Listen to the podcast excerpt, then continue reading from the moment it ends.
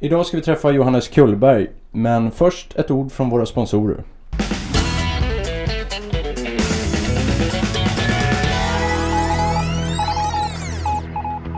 Unika människor presenteras av Compressport.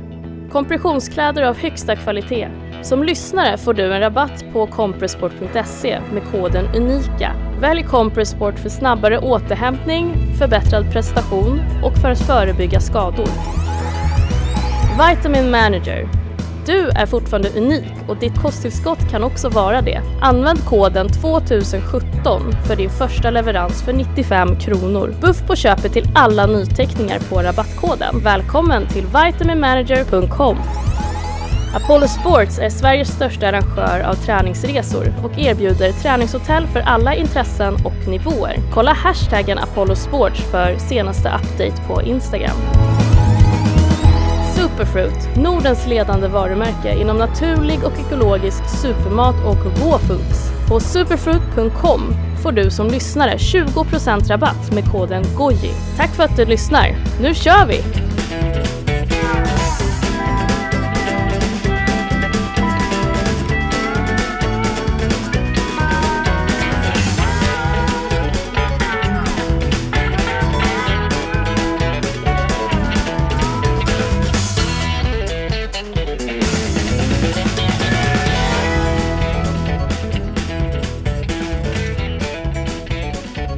Han är trebarnspappan som ruttnade på stordrift, tillsatser och besprutningar. Istället sjösatte han den omöjliga affärsidén att starta en ny typ av dagligvaruhandel i Sverige som fokuserar på ekologiska matvaror utan tillsatser. Välkommen entreprenören och hälsoentusiasten Johannes Kullberg. Tack så mycket. Hur känns den här presentationen? Den känns bra. Jag står och småler här lite. Men, Ja, jag men, ser det. det, det, det, var, det var en bra och, och glädjande presentation tycker jag. Ja, Den sammanfattar ganska bra eh, just det här med omöjligheten. Eh, Det här är ju den första matvarukedjan i Sverige på ganska många år som inte har någon stor aktör bakom sig utan just en, en eh, enskild privatperson. Jag har ju jobbat i dagligvarubranschen själv tidigare men, men annars så när det kommer till de här satsningarna då är det stora drakar alltid bakom. Det var det jag som är lite sådär skadad av att surfa omkring på alla bolag och, och ladda ner eh, årsredovisningar och sånt där. Eh, började tänka så här när jag visste att jag skulle träffa dig och vi skulle göra den här intervjun så började jag tänka men det måste ju ligga någon stor drake bakom där. Det måste ju vara liksom eh, någon som är inne i paradiset och äger en stor stake. Men eh, jag hittade faktiskt inget sånt. Nej, så är det inte. Utan eh, vad jag har lärt mig av, av både som anställd och, och entreprenör, jag har byggt upp ett annat företag tidigare. Det är att jag vill ha kontroll på ägandet så länge som det går i alla fall. För om jag, om jag har någon stor aktör som äger, då blir det deras vilja och inte min. Och här är det, det är jag och min kollega Henrik som driver verksamheten och, och vi styr och gör så att det blir så, så vi kan stå för det. Mm. Och det är he- helt avgörande. Så Johannes, vi ska försöka introducera dig för lyssnaren. Du är ju... Man kan ju läsa väldigt mycket om dig i, i fackpress och sådär för, ja, inom livsmedelsindustrin och dagligvaruhandeln och sådär. Men för de som sysslar med kanske, om man säger nu vanlig hälsa eller träning och som lyssnar på den här podden och Eh, så ska vi ta och presentera dig. Eh, så vem är Johannes Kullberg? Jag är eh, 42 år gammal, trebarnspappa. Jag har en dotter på sju, en kille på fyra och en liten yngsta dotter på sju månader. Ehm, och Eh, jag är 100% entreprenör kan man säga, passionerad, tänker med hjärtat eh, brukar jag säga. Eh, så det är att bygga, bygga företag som är positiva, socialt starka är en sån här passion som, som jag har. Och sen är jag nördigt intresserad av hälsa och träning och, och välmående. Så att det är de två blocken. Som tur är så är min fru likadan på hälso och matsidan. Så att vi har mycket gemensamt. Och eh, jag ska också säga så här att eh, Paradiset är ju en, en ny typ av eh, dagligvaruhandel som satsar väldigt mycket på ja, ekologiska produkter utan tillsatser. Och jag vill också påpeka det här att det här avsnittet kan låta som en, en, eh, en enda lång hyllning från min sida. Eh, Men Johannes och jag träffades första gången för bara fem minuter sedan och eh, Eh, vi har inget, det finns ingen ekonomisk transaktion mellan oss. Eh, och varför jag vill göra det här, det är för att jag är så otroligt entusiastisk över eh, det ni gör. För det här är en game changer. Det här är precis eh, vad Elon Musk och eh, Steve Jobs eh, satte ut eh, på att göra när de började sin grej. För det här är ingen lätt resa. Är du medveten om det? ja, det, det, det är kul att du säger det. det. Det är verkligen ingen lätt resa. Nu börjar jag kunna sova lite bättre. Eh, det här är väl eh, knappt tre år sedan jag bestämde mig. Ehm, för det, är, det krävs så oerhört mycket eh, i form av kapital, i form av kunskap, i form av timing. Eh, timingen fick vi med oss, den blev, den blev väldigt, väldigt bra. Eh, men, men det är så många saker som måste stämma och det är så, så lätt att köra i diket. Mm. Men, men för det här är en storskalig business. Det går, inte att göra, det går att göra en butik, men då har den ingen effekt.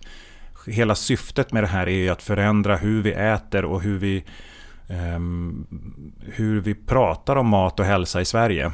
Mm. Och, och då, ju, då, måste vi vara tillräckligt stora för att kunna ha påverkan på kollegorna i branschen som ICA och Coop och, och Hemköp och så vidare. Så att jag tror att vi kan gå i spetsen och, och sen så kommer vi att lyfta lägsta nivån i Sverige.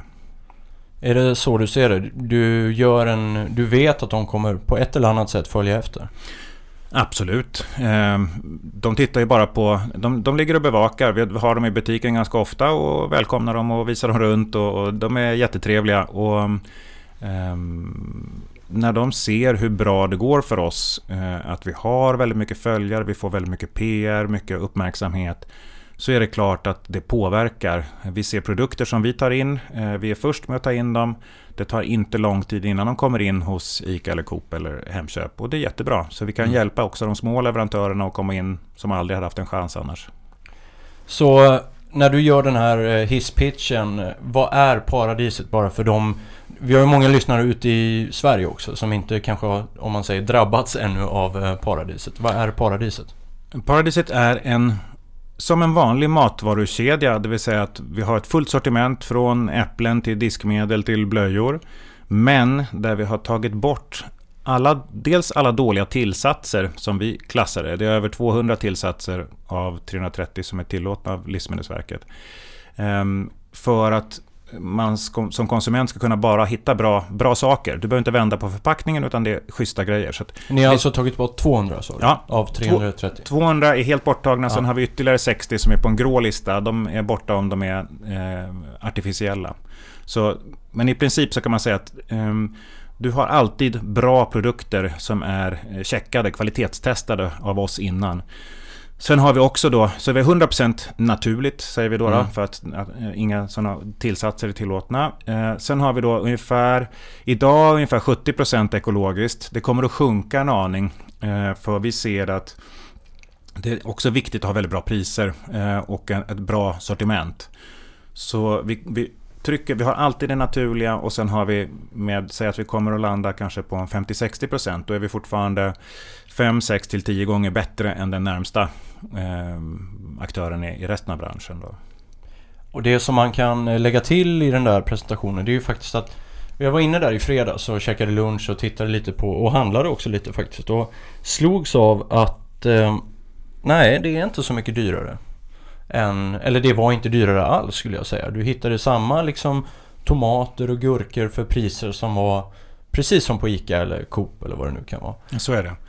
Den andra aspekten som jag inte tog upp här nu, som gör att vi inte är som en vanlig dagvarubutik, det är ju att vi också har då i de större formaten här, då har vi ju restauranger som vi har, det, det, är vänner till oss som, som driver restaurangerna, vi gör det inte själva. Eh, så att man kan komma in och äta, ta ett glas öl, ett glas vin eller vad man nu vill ha. Eh, men, och kan handla på, på mätt mage eller bara hänga. För miljön i paradiset, som namnet antyder, är ju också en bidragande faktor. Vi vill ju att man ska kunna komma in i butiken, man ska längta till, tillbaks, man ska njuta när man är där.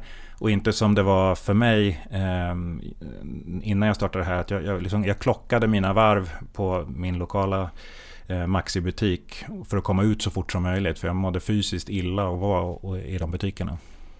Ja, jag har ju hört den där historien. Du har ju berättat den i, i lite andra sammanhang. Men du, du måste nästan berätta den igen här. För Ja, det är lite bakgrunden Ja. till varför vi står här. Um, jo, det, var, det var så här att på, på söndagarna så åkte vi och, och veckohandlade med familjen. eh, och då, då ehm, jag brukar faktiskt hänga ut butiken, men för jag är tacksam för ICA Maxi Lindhagen där vi handlade. Um, och och mm, då, då tog jag tiden verkligen på varven. Vi handlade ganska mycket, så vi var en väldigt, väldigt bra kund. Um, mellan 3 och 4 tusen i veckan för ett stort, stort hushåll.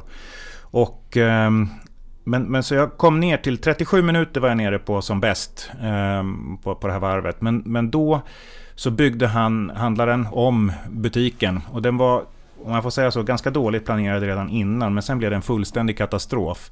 Och då ramlade jag ner över timmen på min veckohandling. Och på en, en söndag att lägga mer än en timme i en sån miljö, då, då, då brast det. Så då åkte jag hem och skrev en affärsplan faktiskt. Och um, presenterade för några eh, bekanta som jag vet har ett gott omdöme och en ganska bra plånbok för att se, skulle de vara villiga att investera i det här?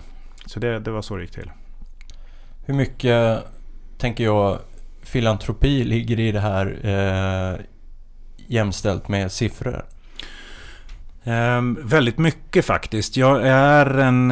Eh, jag är lite mindre hjärna och mer hjärta. Eh, sen min, min kollega Henrik Strinning, som eh, min, min andra hälft här, eh, är ju eh, omvänt, mer, mer hjärna. Eh, därmed inte sagt att han inte har hjärta.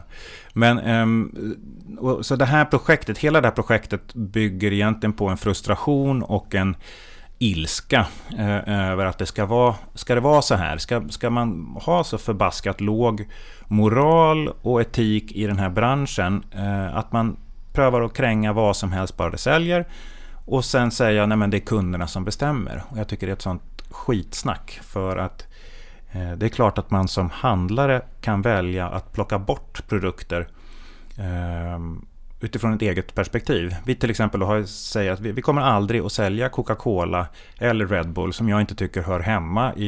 i det, det är inget man ska stoppa i sig. Coca-Cola kan man ha men då är det för att putsa silver Mm. eh, i princip. Ehm, det finns, vi säljer läsk men då är det ju det är kolsyrat vatten, råsocker, frukt. Mm. Eh, riktig, eh, liksom, riktiga produkter. Ehm, så det, det är inte... Det, det, är helt upp till mig. Och, då, visst, och, vi säljer inte cigaretter heller. Eh, jag tänkte på det, är det... För det där du nämner är ju ganska, om man lyfter det till ett filosofiskt plan, att, att vem ligger... ehm, ehm, vilket ansvar ligger hos konsument? Vilket ansvar ligger hos handlare? Och det, och det är som du säger att... Eh, nej men jag handlar det som finns i butiken. Mm. Ja men om, om det inte finns dålig kyckling Mm. för 29 kronor kilot, då kommer jag inte handla det. Och Stockholmskonsumenten är väl kanske lite så att den, den köper det som finns. Och, ja. Vad tänker man- du om det? Jo, nej, men så är det. Har man, eh, jag, jag byggde upp, som sagt, som inköpsdirektör var jag med att bygga upp Lidl i Norge. Eh, från vitt papper till att vi hade 25 butiker. Mm. Där lärde jag mig väldigt, väldigt mycket. Eh, gjorde många misstag som, som tur var jag inte behövde finansiera själv. Eh, men, men där såg man väldigt tydligt tycker jag att eh, det går att få kunder att köpa precis det jag vill bara genom att sätta produkten på rätt plats med rätt pris. Eh, Så att jag liksom får upp den eh, när jag är i butiken. För väldigt få, man tror att man har en bra plan för handlingen. Och, och, men många handlar väldigt spontant. Och jag som handlare kan styra eh, dig som konsument väldigt, väldigt väl. Ehm, Och, så genom att lägga produkterna på, på rätt ställen så kan jag få dig att köpa de produkter jag vill. Eh, och, och kycklingen som är mitt, ett av mina paradexempel. Där, där eh, brukar jag berätta då hur, hur man gjorde på, på eh, Maxi och på andra butiker. Där du lägger den billigaste kycklingen med en prislapp som vi säger 30 kronor. Den brukar ligga 30-35. Och sen har du en, kyckling, en majskyckling emellan som ligger runt 79-80. Och sen till höger om den så lägger du ekokycklingen för 120. Så du har en faktor 4 på, på priset där nästan mellan den, den billigaste och ekokycklingen. Och då ska det mycket till eh, att du som konsument väljer ekokycklingen när du ser att den är fyra gånger dyrare än, än det billigaste alternativet. Och de flesta kommer då ta majskycklingen där jag som handlare har en väldigt hög marginal i kronor. Eh, och det fulaste av allt är att jag kan till och med bara sätta dit en etikett. Jag behöver inte ens ha ekokycklingen. Det räcker med att sätta en prislapp. Mm. Så har jag förstört eh, för, för eh, gästen. Den kommer ändå då välja den här majskycklingen och känna att ja, men jag har gjort ett okej val. Den, den, är inte den sämsta kycklingen. Eh, och, och så jag gjorde liksom ett, ett okej val och prismässigt så, så blev det ju ganska bra för den var i alla fall mycket billigare än ekokycklingen. Men då är det frågan, hur gör ni idag då? Vi har gjort så att vi, vi har tagit bort den billigaste kycklingen, den säljer vi inte. Utan vi har en gårdkyckling eh, som kommer från Vikingfågel som, som ligger på 69 kronor kilot. Då vet vi att den är eh, den sköts väldigt bra. Eh, vi har kontakt med, med producenten. Och sen har vi Hagby gård som ligger, det var en gårdkyckling, nu har den faktiskt blivit EU-ekologisk eh, för 99 kronor kilot. Fantastisk restaurangkyckling. Och sen har vi Reko kyckling som är en ekologisk eh, fågel som också är helt underbar för 109.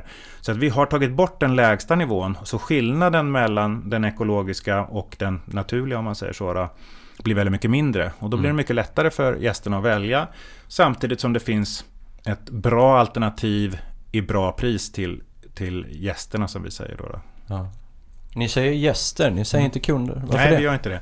För att det, det, tycker jag är en väldig skillnad, eller vi tycker det är en väldig skillnad i hur man ser på de som besöker våra, våra butiker. En, en gäst är någon som man behöver göra en bra service för och ha, ha ett bra erbjudande för att man ska komma igen. Och, och man vill att en gäst blir sedd, blir väl bemött. För då är det en person som kommer att komma tillbaks och eh, känna att man får ett värde utöver eh, rent monetära. Det är ganska enkelt också att du kan titta på dem, hälsa på dem, eh, fråga om det är någonting man behöver hjälp med eh, och med ett litet leende. Och det är en sån här skillnad också.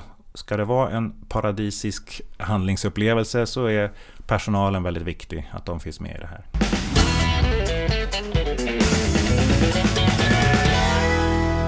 Eh, om vi backar bandet lite då ja. och eh, din resa inom entreprenörskap och till dit du är idag. Vad har du, vad har du haft för resa?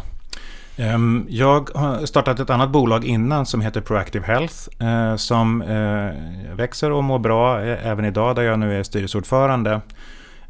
Som arbetar med att minska sjukfrånvaron i Sverige och ehm, på, på lite smartare sätt än vad den traditionella företagshälsovården gör.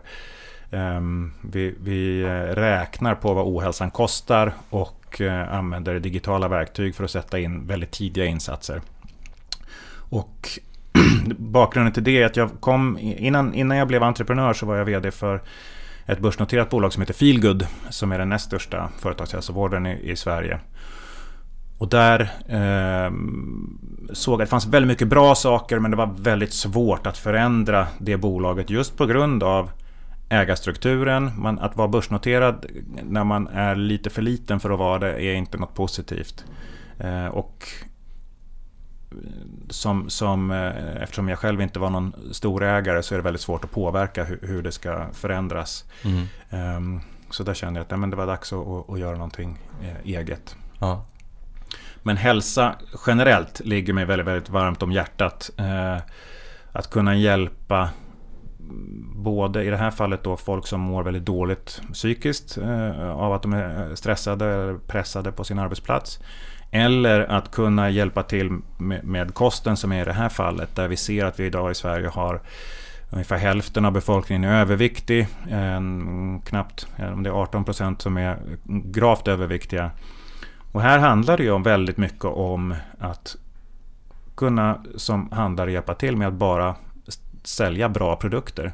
Pusha jag lösgodis för 4,90 hektot eller kola på pall eh, till, till löjliga priser för att dra in eh, personer med kanske lite lägre utbildning eh, och, och, lägre inkomster. Ja, men då får man resultaten därefter. Det var det jag lite tänkte komma till. Min fråga var Paradiset eh, grundades ju här i Stockholm men ni har en eh, butik uppe på Södermalm och sen har ni en bakom NK, Mäster Samuelsgatan, Regeringsgatan. Och sen kommer det öppna en tredje nu även i uh, Sickla. Ja. Men jag tänker så här, jag bara tar en ort här. Arvidsjaur eller eh, Sundsvall eller skulle ett sånt här koncept funka i de städerna? I dagsläget nej. Eh, men eh, absolut inom ganska kort tid. Det, det, roliga med oss svenskar är ju att vi är enormt trendkänsliga. Det finns, eh, Ehm, det finns inget land i världen tror jag, där en trend slår så snabbt som det gör i Sverige. Ehm, och eh, på, på de senaste två åren har vi ju haft den högsta ekotillväxten i världen. Ehm, så att i år går vi om Danmark som det land som har högst ekokonsumtion per capita. Men den utvecklingen är kopplad till utbildningsnivå och det, är, det börjar i storstäderna och sen sprider det sig utåt. Så med tanke på våran eh, expansionstakt i form av den, den, kassa vi har så kan vi inte börja med att smälla på 10 butiker eller 20 butiker så som en Lidl eller en ICA skulle kunna göra. Så vi kommer att börja och, och, och etablera oss i storstäder och universitetsstäder. Eh, och sen därefter kunna ta eh, eh mindre orter. Men sen finns det en, en, annan aspekt i det hela och det är ju logistiken. Ehm, och det gör att man behöver finnas i relativ närhet till ett, ett, ett centrallager, distributionscenter. Um, och komma upp till Kiruna, där är det bjässar som Ica eller Coop som klarar av det. Mm. Uh, Eh, jag önskar att vi kan göra det, så det finns inget annat, det finns inget eh, annat skäl. Eh, men det viktiga i det här är ju att ha kvar sin passion och, och Eh, sina värderingar. Det, det, det, måste alltid finnas. Men man får heller inte göra misstaget att bli, inte vara affärsmässig. Nej. För eh, som du ser så har jag tatuerat in loggan i, i armen här nu, eh, vilket jag gjorde. Jag lovade mig själv att när vi skrev på tredje butiken och blev en kedja. Ja. Om vi någonsin skulle bli en kedja så ska jag tatuera in loggan i armen. Det sa jag när, innan vi öppnade första butiken. Så att eh, det här är ju ett projekt for life om man säger så. Då, då är det inte speciellt kul om man, om man eh, välter omkull eh, vid butik 5. Utan det gäller att hålla konsekvent ta de lägen som fungerar eh, och, och, och, och, se till att man tjänar pengar. Mm. Eh, för att annars så, så tar det slut.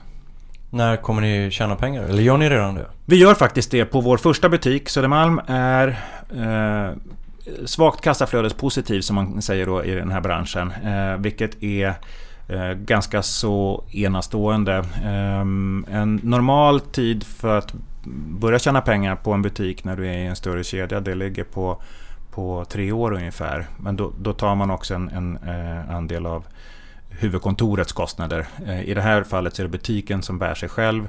Eh, vi har inte ett stort huvudkontor, vi har inte ett kontor överhuvudtaget. Men, men om man, det som kallas för overhead så, så eh, är det inte med i det här. Men, men i alla fall, att vi ser att affärsidén håller eh, och vi kommer att genom att ha fler butiker så, så kommer det här att, kunna bli en riktigt bra verksamhet.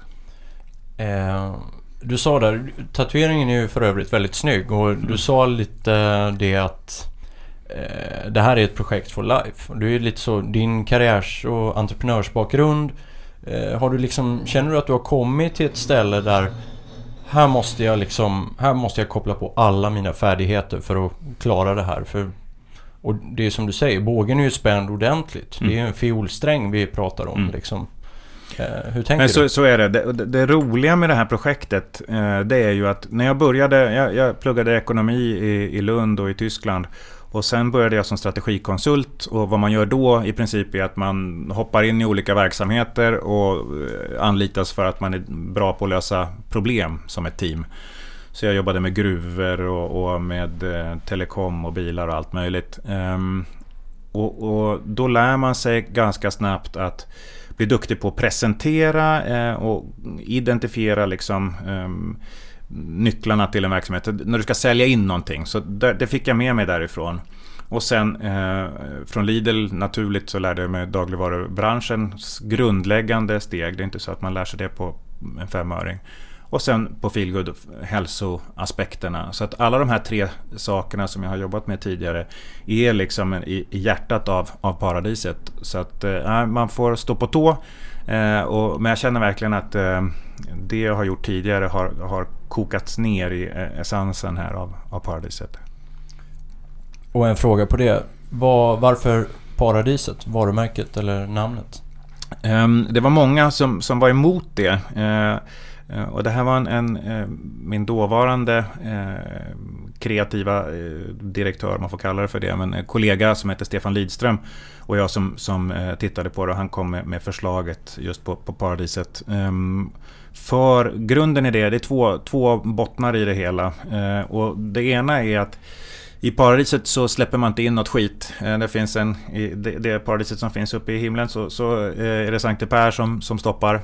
Hos oss är det Henrik eh, som, som går igenom alla produkterna och ser till att de inte innehåller några tillsatser vi inte tillåter. Och det andra är just den här känslan när du kommer in i, i, i paradiset. Till paradiset vill man, man vill vara kvar eller komma tillbaka så ofta som möjligt. Och det är också tanken med våra butiker. Du ska vilja komma in som gäst och, och komma tillbaka så ofta så det blir den här istället för att som, som det var förut, man säger så här, men kan inte du handla idag? Så säger kan inte jag få handla? Den känslan vill man ha. Sen har vi en logotyp som är ett äpple eh, och äpplet är ju då också kunskapens äpple.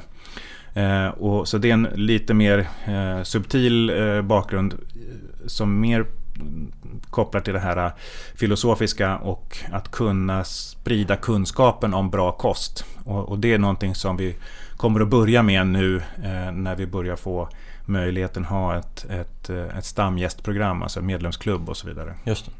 För det var också en fråga jag hade att eh, det här hänger ihop väldigt mycket med samtiden vi lever i. Att eh, konsumenten måste vara upplyst om att den där kycklingen ni har valt bort. Eh, varför har ni valt bort den? Och man måste bryta ner hela kedjan och man har... Alltså det är, en, det är en väldigt tung informativ roll i det här som ni egentligen också måste ha för att eh, ni kan inte bara lita på att alla andra gör jobbet och att jag vet varför den ekologiska kycklingen är bortvald och så vidare. Och här är väl den största vad ska man säga, utvecklingspotentialen som vi har, det är ju just att ehm, eh, kunna jobba med det som vi kallar för eh, starka historier och eh, att förmedla kunskapen. För det här är eh, något av det svåraste som finns att förklara på ett enkelt sätt varför vi har gjort ett val och varför vi rekommenderar våra gäster att göra liknande val. Ehm, och, och, få det här i, i en, på ett sätt som gästerna kan ta till sig och, och som kan bli enkelt och, och, mm, tydligt. Och det är någonting som vi jobbar med eh, nu och framåt. Det kommer att bli en heltidsposition tror jag för en person som bara eh, sitter och arrangerar här. I dagsläget så är det en av de hattarna som jag har på mig. Eh, och, och då går det inte så snabbt som man skulle önska. Så att när vi växer kommer vi kunna också då bli ännu bättre och, och tydligare på det här. Eh, de eh, butiker ni, eller matmarknader som ni gärna kallar det, som ni har slagit upp hittills. De har ju en eh, så kallad food court inbyggd i sig. Och berätta lite om det tänket. Varför ni, ni har ett återvinningssystem av produkter i den där food courten. Från början var det så att eh, Henrik och jag satt i den här stora betongklumpen, eh, betongsalen som, som eh, på Södermalm innan den hade öppnat och med 1570 kvadratmeter. Och kände bara hur tusan fyller man det här med eh, bara produkter? Eh, plus eh, hur skapar man den här atmosfären som man vill ha? Och då, då var vi tidigt inne på att ja, men, vi behöver ha in restaurangaktörer och vi tänkte det som Eh, foodtruck-koncept fast permanenta. Men små enheter som ligger bredvid varann där gästerna då kan få ett bra urval av olika produkter. Plus, som du säger, eh, en fantastisk möjlighet för oss att avsätta fula äpplen eller eh, om vi har kyckling som börjar bli lite gammal, att, att man kan använda det i matlagningen. Vi har ju också en egen eh, delikatessdisk. Eh, delikatess kanske är ett felaktigt ord, men en egen disk där vi serverar mat som vi lagar i paradiset. Och där använder vi också då eh, så mycket som möjligt av det som annars skulle kastas. Mm. Så att eh, återvinningsambitionen är väldigt hög. Uh, vi, är inte, vi är inte hela vägen fram idag, men vi börjar komma åt ett ganska bra håll där vi kan använda mycket av de produkterna som annars skulle behöva kastas. Du som har varit i den branschen ganska länge, hur funkar det i de här stora matvarukedjorna? Eh, jag tänker gammal mat och sådär, sånt som börjar gå ut. Man försöker pressa ut det för halva priset och vad händer sen liksom?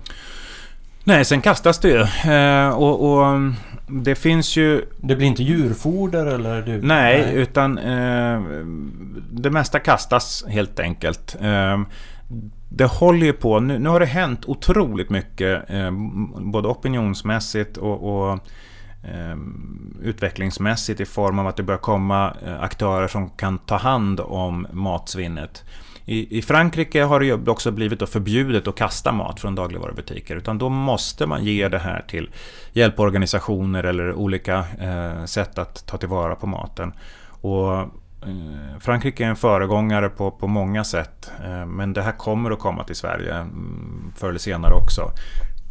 Men vi ser nu att vissa hjälporganisationer som Stadsmissionen eh, börjar nu ta fram koncept för att hantera matsvinn på ett bra sätt. Det kommer också mindre aktörer som lagar mat på, på sopor om man säger så. Och, så att det här är väldigt i ropet och jag tror att eh, både vi och de andra aktörerna i branschen kommer att, att kunna eh, använda väldigt mycket mer av det man annars skulle kasta i, idag det är, ingen, det är ingen handlare som vill kasta. Det, det kan man vara tydlig över.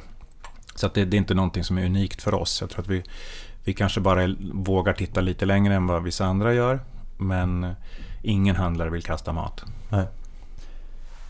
Eh, du nämnde där att du var väldigt duktig när du, när du gick din utbildning och jobbade som konsult då ute på de här olika filmerna så blev du väldigt duktig på att presentera och sälja in koncept och sådär. När du kom då med din affärsplan till dina tänkta investerare eller partners och så här, vad, vad var deras första liksom, intryck? Eh, för första gången någonsin, jag har presenterat många galna idéer genom åren, men det här var första gången som det var helt samstämmigt av, från dem med att det här är bra. Alla tyckte jag skulle köra och en del var beredda att lägga upp pengar direkt på bordet. Eh, de jag fick negativ feedback på, det var bransch, mina kollegor som har varit i branschen. Personer som jobbar för en för Axfood eller för Lidl eller för, för någonting sånt. Ja. För de förstår ju hur vansinnigt komplicerat det här är. Eh, det förstår man inte som vanlig, vanlig person. Så där var det samstämmigt att gör det inte. Eh, men, men eh, som tur är så jag, jag är ju jag har en eh, enorm övertro till mig själv. Och ibland är det väldigt bra, ibland är det mindre bra. Men i det här fallet så tror jag att det var bra.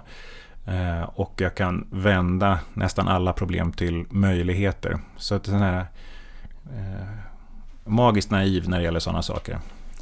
Vad, vad fick du med dig för kompetens i början? För du visste att du kunde inte göra den här resan själv. Nej. Och jag hade, eh, jag hade en, en, en, kille som jag eh, var tilltänkt att hoppa, vara med hela vägen. Eh, men när det började bli allvar ehm, så han satt på ett jättebra, sitter på ett jättebra jobb. Och, och, när det väl blev dags att skriva på den här första butiken då, då mm, vågade han inte gå in med pengarna. Så då var det lite obehagligt för då stod jag själv. Men då hade jag uppvaktat den här Henrik Strinning eh, under en tid. Men han skulle dra igång ett annat koncept eh, som han ville göra. Eh, men jag lyckades övertala honom. Han har ju varit eh, inköpsdirektör, eller mm, inköpsdirektör försäljnings, försäljningsdirektör på, på Coop. Så att en väldigt hög position eh, i det bolaget. Och han har även eh, varit eh, Sverigechef för Picard som är en sån här frysmatkedja. Så enligt mig ehm, är han den bästa personen inom dagligvaruhandel att få med sig. Och, och så när jag fick med honom då, då kändes det väldigt, väldigt bra. Sen har vi fått andra eh, personer in på, på, i bolaget som alla har ju tung, tung erfarenhet från dagligvarubranschen. Vi har vår ordförande också, Knut Faremo, som är eh, den mannen som var koncerndirektör och byggde upp Norgesgruppen. Och Norgesgruppen är nu ungefär 2000 butiker i Norge som knäckte Lidl till slut och även ICA. Så att de, om, om ICA är starka i Sverige så kan ni tänka vad Norgesgruppen är i Norge. Och att ha honom på, på vår sida känns väldigt, väldigt skönt.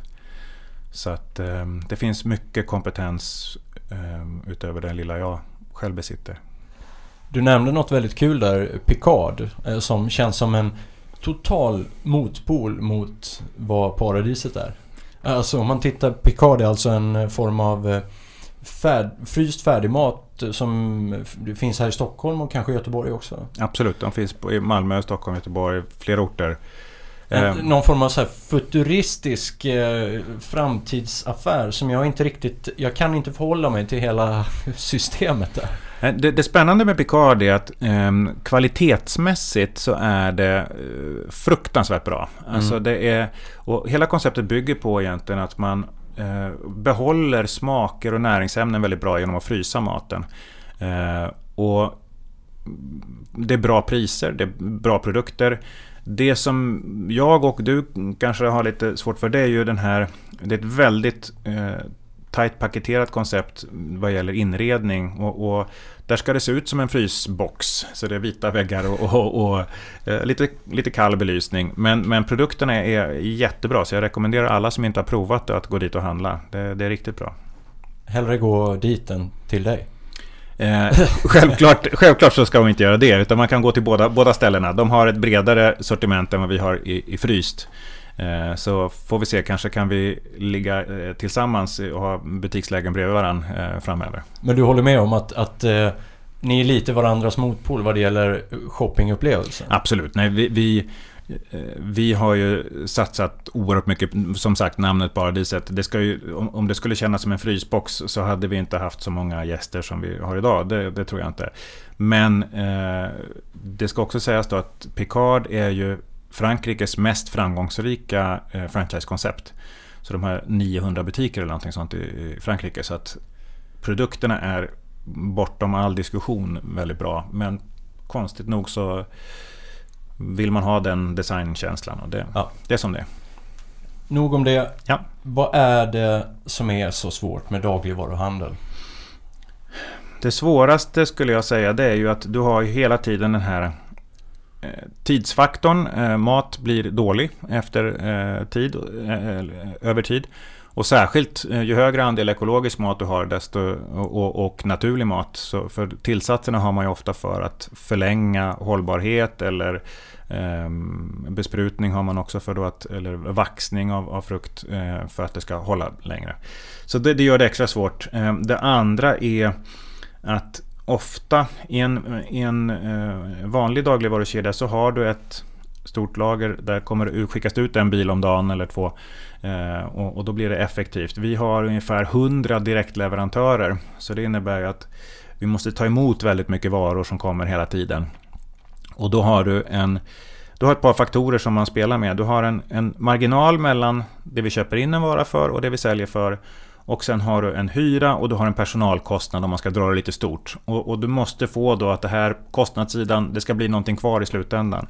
Och att kunna driva det här så pass effektivt så att personalkostnaden inte blir för stor. Det, det är den största utmaningen. Och att du hela tiden har en omsättning som gör att du inte får kasta produkter. För har du för låg omsättning så kommer du behöva kasta och, och mm, det blir ingen mm, fin upplevelse i, i butiken. Och det är det du ser på de här lite mindre ekobutikerna eh, i Stockholm i alla fall.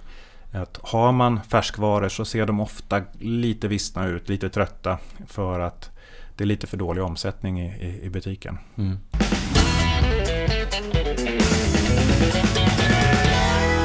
Varför tror du att ingen har gjort det här innan dig?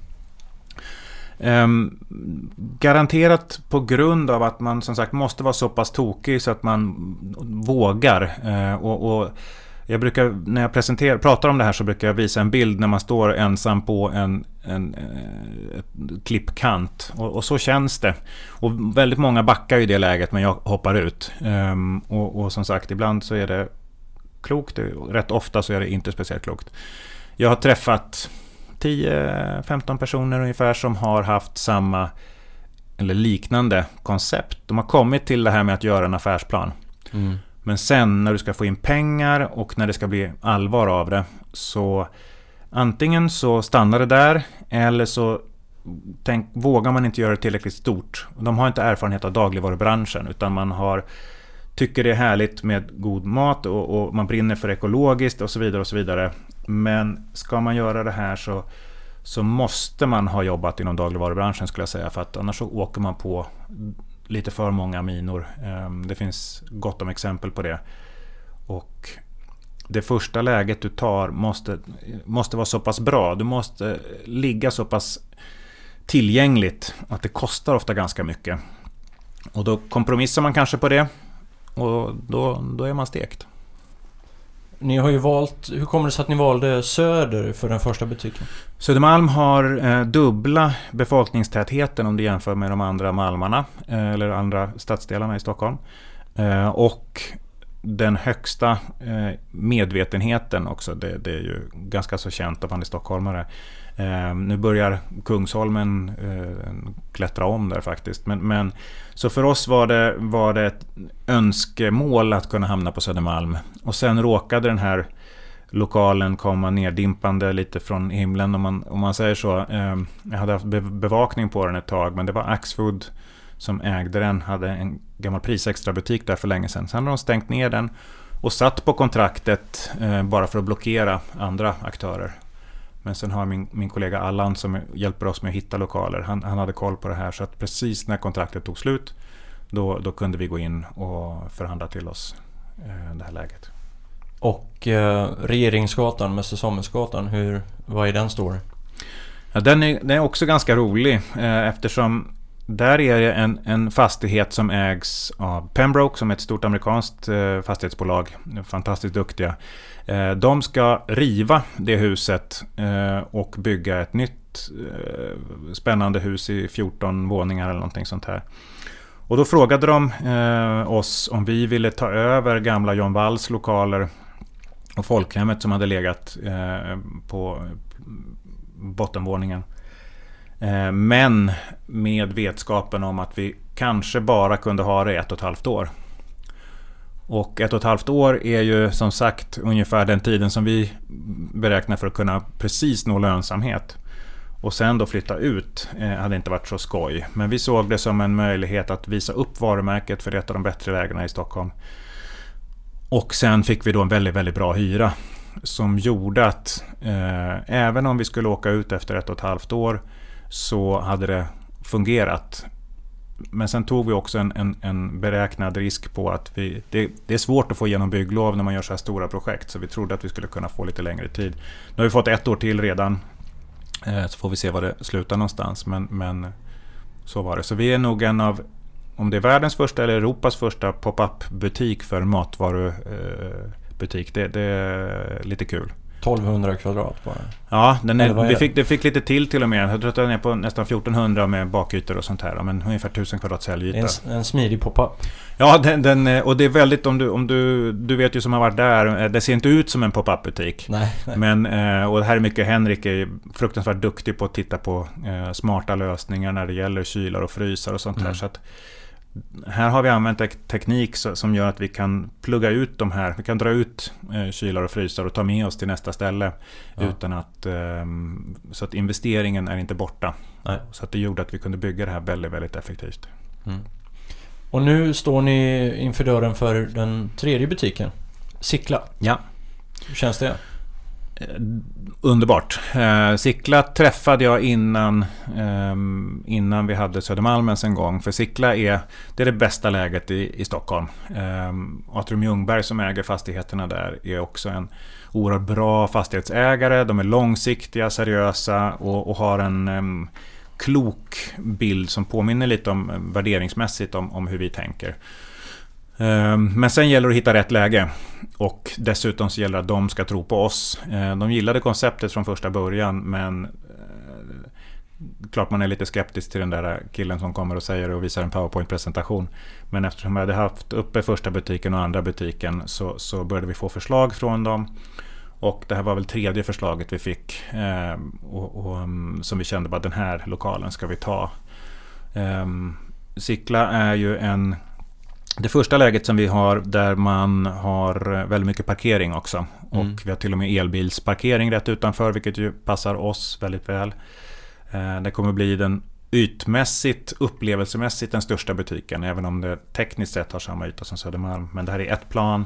Den är 7-8 meter i tak. eh, sån här underbart rå feeling som eh, nästan som en hangarlokal. Och sen Mm. så fyller vi upp den med Ja, vi har ett eget litet bryggeri, vi har ett kafferosteri, vi har eh, eh, goda hamburgare från smakkultur och, och de här poke bowls som är en eh, jättegod eh, maträtt som, som eh, Orange County Foods, en restaurang då, som är med också. Och vi har öl och vin och Mm. där, så att det är en riktigt, riktigt Hur många bra. sittplatser kommer ni ha i själva... Oj, eh, jag vet inte riktigt. Eh, jag skulle tippa på att det är ungefär som, som Södermalm, ett hundratal skulle jag säga.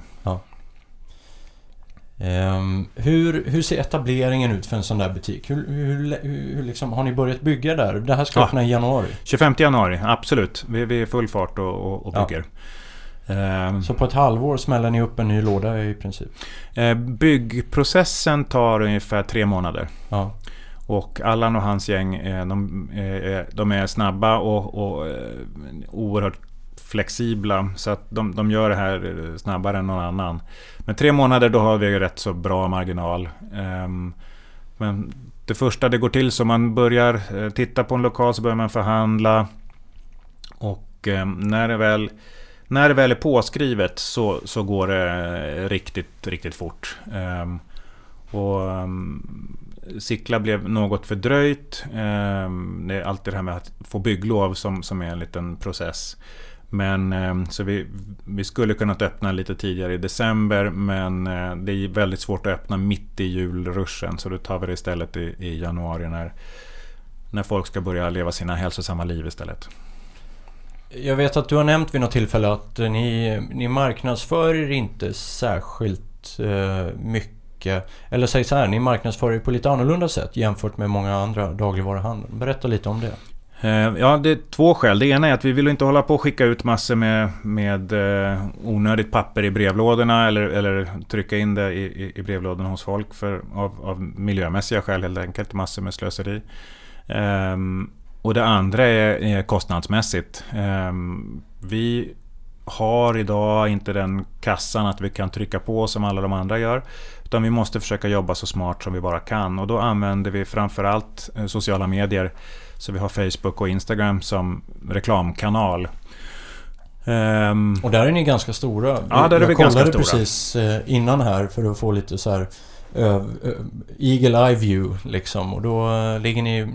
Ni har 15 000 följare på Instagram. Det är hälften Ja. av vad ICA har. Ja, ja nej, det, det är en ganska snabbt marscherat eh, får man väl säga. Och, och det är ju för att det är många som är engagerade i de här frågorna och tycker att det är skoj med, med det vi gör. Vi lägger rätt mycket kraft på att ehm, ha budskap som, som är lite annorlunda och, och, och bilder som är lite annorlunda som förmedlar konceptet. Så, ehm, så det är kul, men vi har bara börjat. Där ska vi verkligen börja trycka på. Ehm, det stora blir ju sen när vi kan då också jobba med ett, ett stamgästprogram, ett medlemsprogram där, där eh, våra medlemmar får bättre priser på frukt och grönt och andra områden och blir inbjudna till eh, föreläsningar och seminarier och sådana här saker. Det är förresten något som vi har gjort speciellt i Sickla, att vi har ett del i, i lokalen där man kan komma och ha föreläsningar just. Det kan vi göra på de andra också, men här är det dedikerat Mm. för att jobba med den här utbildningen också, kunskapslyftet inom, inom hälsa. Så det kommer aldrig bli eh, reklamblad i min brevlåda där ni pushar fläskfilé för 19,90. Nej, det kommer inte att hända. Det kommer inte att hända. Eh, vi, vi, vi kommer att kunna ge dig eh, erbjudanden i din telefon eller dator. ehm, och du kanske, du kanske får hem en, eh, en tidning längre fram. Det får vi se. Men, men eh, annars så, så kan vi finnas med. Vi finns med i, i Södermalmsnytt. Eh, men i tidningen så det är inget, Nej. inget extra där. Ehm, och vi kommer ha bra priser. Men vi kommer inte att sälja som sagt eh, den torterade grisen eller, eller kycklingen. Det gör vi inte. Men vi har bra priser på, på, eh, på god kyckling. Eller Ja. glad gris, det får man inte säga. Nu får man veganerna på sig. Men, men eh, ändå. Ja. Varför... Vi pratade lite om det förut, men varför gör inte ICA det här? Varför skapar inte ICA ett, eh, ett, ett eget paradis och, och brandar om sig och tvättar sitt namn lite? Och... Eller? Ja, det, det är svårt för mig att, säga, men, men, en av de anledningarna som, som gör det svårt, eh, det är ju att vi är väldigt tydliga med vad vi inte säljer. Mm. Och genom att vi säger att vi kommer aldrig sälja Coca-Cola eller, ja. eller Red Bull eller eh, vissa andra varumärken som innehåller eh, tillsatser som inte vi tillåter. Om en aktör som ICA skulle gå ut och säga eh, till Coca-Cola, hörni, nu ska vi starta en ny nytt koncept här och tyvärr kommer inte vi ta in er. Ehm, då eh, kommer Coca-Cola att tala om för ICA att oj, plötsligt så försvann en del av rabatten som man har haft för, för kedjan. Utgår jag från. Alltså det här är ja. bara så man kan spekulera. Men, men ehm, och det finns olika ägarstrukturer. Det, det, här är svårt att göra när man har kommit en lång bit i, i sin resa. Sen är det så att ICA och Coop och, och, och Axfood de utvecklas hela tiden. De höjer sina eh, nivåer, de ökar sitt ekoutbud. Så det här är ju en... De är jätteduktiga. Och Lidl ska jag säga också, att de, jag tycker faktiskt det är den aktör som har lyft sig mest av alla kedjorna på, på senaste tid. Eh, de gör ett fantastiskt arbete inom hållbarhet och, och miljötänk. Så att, eh, men jag läste någonstans att ni har, ni har skrivit själva, den, den här siffran är från er sajt, att ni har 80% eh, ekosortiment och Coop hade förra året 8%. Ja, och de här siffrorna uppdateras ju nu. Nu, nu Coop är väl uppe på 9,6 tror jag de var nu senast. Och, och, vi går ner lite som sagt, så vi, mm. vi, vi siktar väl på att vara på 70 just nu. Men, mm. men vi är lite över det. Um, och Coops bästa butik om man ska säga så ur ett ekoperspektiv det är Coop i Järna. De är på en 33% eller någonting sånt. Så det finns ju alltid variationer i, i, i, landet. För oss är det lättare, vi är små. Ehm, det, det, är mycket svårare när du är en så stor aktör. Så att det är viktigt också att inte förhäva sig om man jämför sig med, med, med de här eh, rikstäckande aktörerna. Så vi, vi, vi, är ju glada att utvecklingen går, att alla ökar. Eh, och det är det man får se se det på. Liksom. Men eh, som entreprenör själv så tänker jag, när säljer du det här till ICA då? Ja, eh, det vi tittar på det är ju att ta in kapital för att kunna växa snabbare. Mm. Eh, vi, vi, har väl ganska tydliga tankar om vilka vi skulle vara intresserade av att ta in som, som partners. Eh, och, och och vilka vi kanske inte skulle göra det med. Och, och det får vi se var, var den diskussionen landar någonstans. Men um, vi kommer relativt snart att titta på en, en, en kraftigare finansiering. Det kommer vi göra. Mm. Men, men det är inte för att sälja av eller casha in eller någonting sånt. Det är, som Nej. sagt, då hade jag inte tatuerat mig med, med loggan. Det hade känts lite dumt. Utan det, det är för att kunna växa ordentligt. Jag vet inte om det finns någon uh, ICA-anställd som har deras logga vi, vi får skicka ut frågan, det kanske det gör. Ja, uh, I så fall får ni höra av er skicka ja. en bild. Ja. Uh, jag tänkte på det, det ni gör är ju lite synonymt med det Klarna gjorde i en, i en bransch som var väldigt fast och satt och gammal i strukturerna och sådär. Att bankvärlden och fintechvärlden funkade på ett speciellt sätt. Sen kom Klarna in och erbjöd den bästa betallösningen som fanns på marknaden. Innan Nordea, Handelsbanken, Swedbank och SEB och sådär. Och, lite, och de startade från scratch. Det var liksom först tre personer och nu är de liksom 2000. Mm. Och du menar att det är nästan, om ni ska göra den här resan som ni gör, så det är nästan ett måste att börja från scratch? Jag tror det. För att Eh, om man ska kunna göra det från hjärtat så som, som vi har gjort det och vill fortsätta att göra det. Då är det svårt om du har en, en eh, fast modell som, som ligger med sedan tidigare. Och framförallt om du har för många som ska vara med och tycka. Här är det förnämligt att det är jag och Henrik som liksom eh, vi fightas ibland eh, över vad som är rätt och fel. Eh, men det är inte någon annan som är med och lägger sig i det. Är det någonting vi sen inte kan enas om, ja men då tar vi det med Knut. Men, men så mycket svårare än så blir det inte och det är väldigt skönt. Skulle vi sitta då med, med en, en, eh, en eh, ägargrupp eller en styrelse som, som eh, kontrollerar oss, men då skulle vi aldrig få igenom det här. Utan vi kan vara snabba och vi kan eh, som sagt inte behöva fråga speciellt många. Och det, det, är en väldigt härlig situation som du egentligen bara kan få om du startar från början. Ja. Framtiden då? Hur, hur ser det ut? Hur långt fram i tiden tänker ni? vi har väl någon sorts femårsplan eh, ganska eh, tydlig för oss. Vi ska först få, få första steget här nu är att få upp fem enheter i Stockholm. Det bör vi vara klara med under nästa år, slutet nästa år. Um, sen ska vi ut till andra storstäder uh, och, och, som sagt universitetsstäder. Det som styr är egentligen det bästa läget. Det kan vara Malmö, det kan vara Göteborg, det kan vara Linköping. Eh, oklart, beror på var vi får det bästa läget.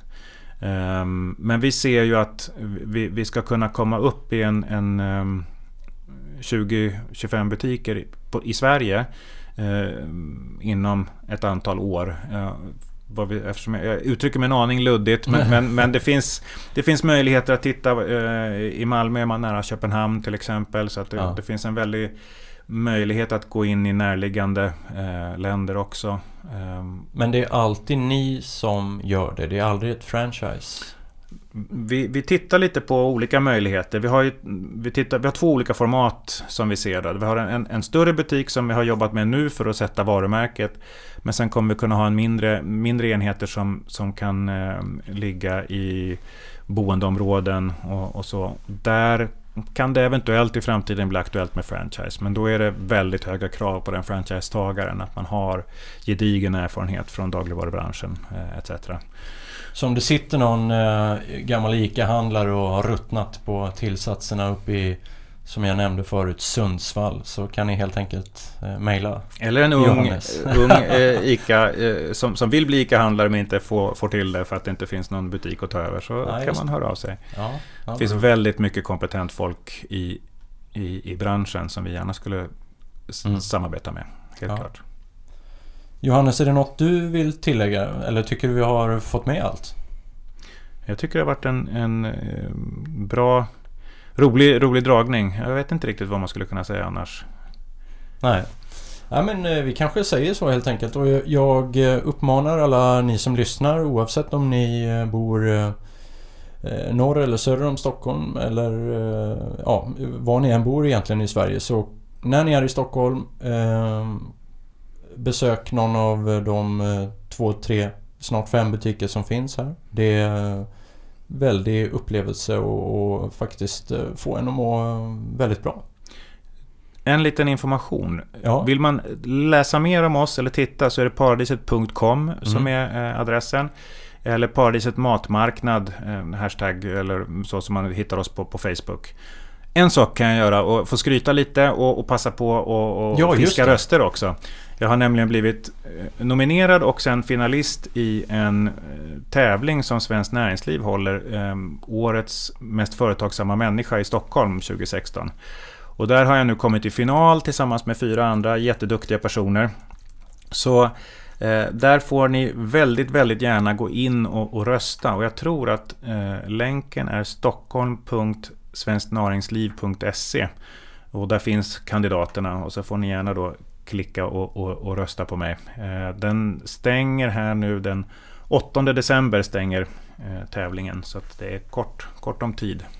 Ja, vi, vi publicerade det här innan så att sen pushar vi ut det här helt enkelt. Ja, men det är klart man ska rösta. Vet du, vad är dina eh, konkurrenter?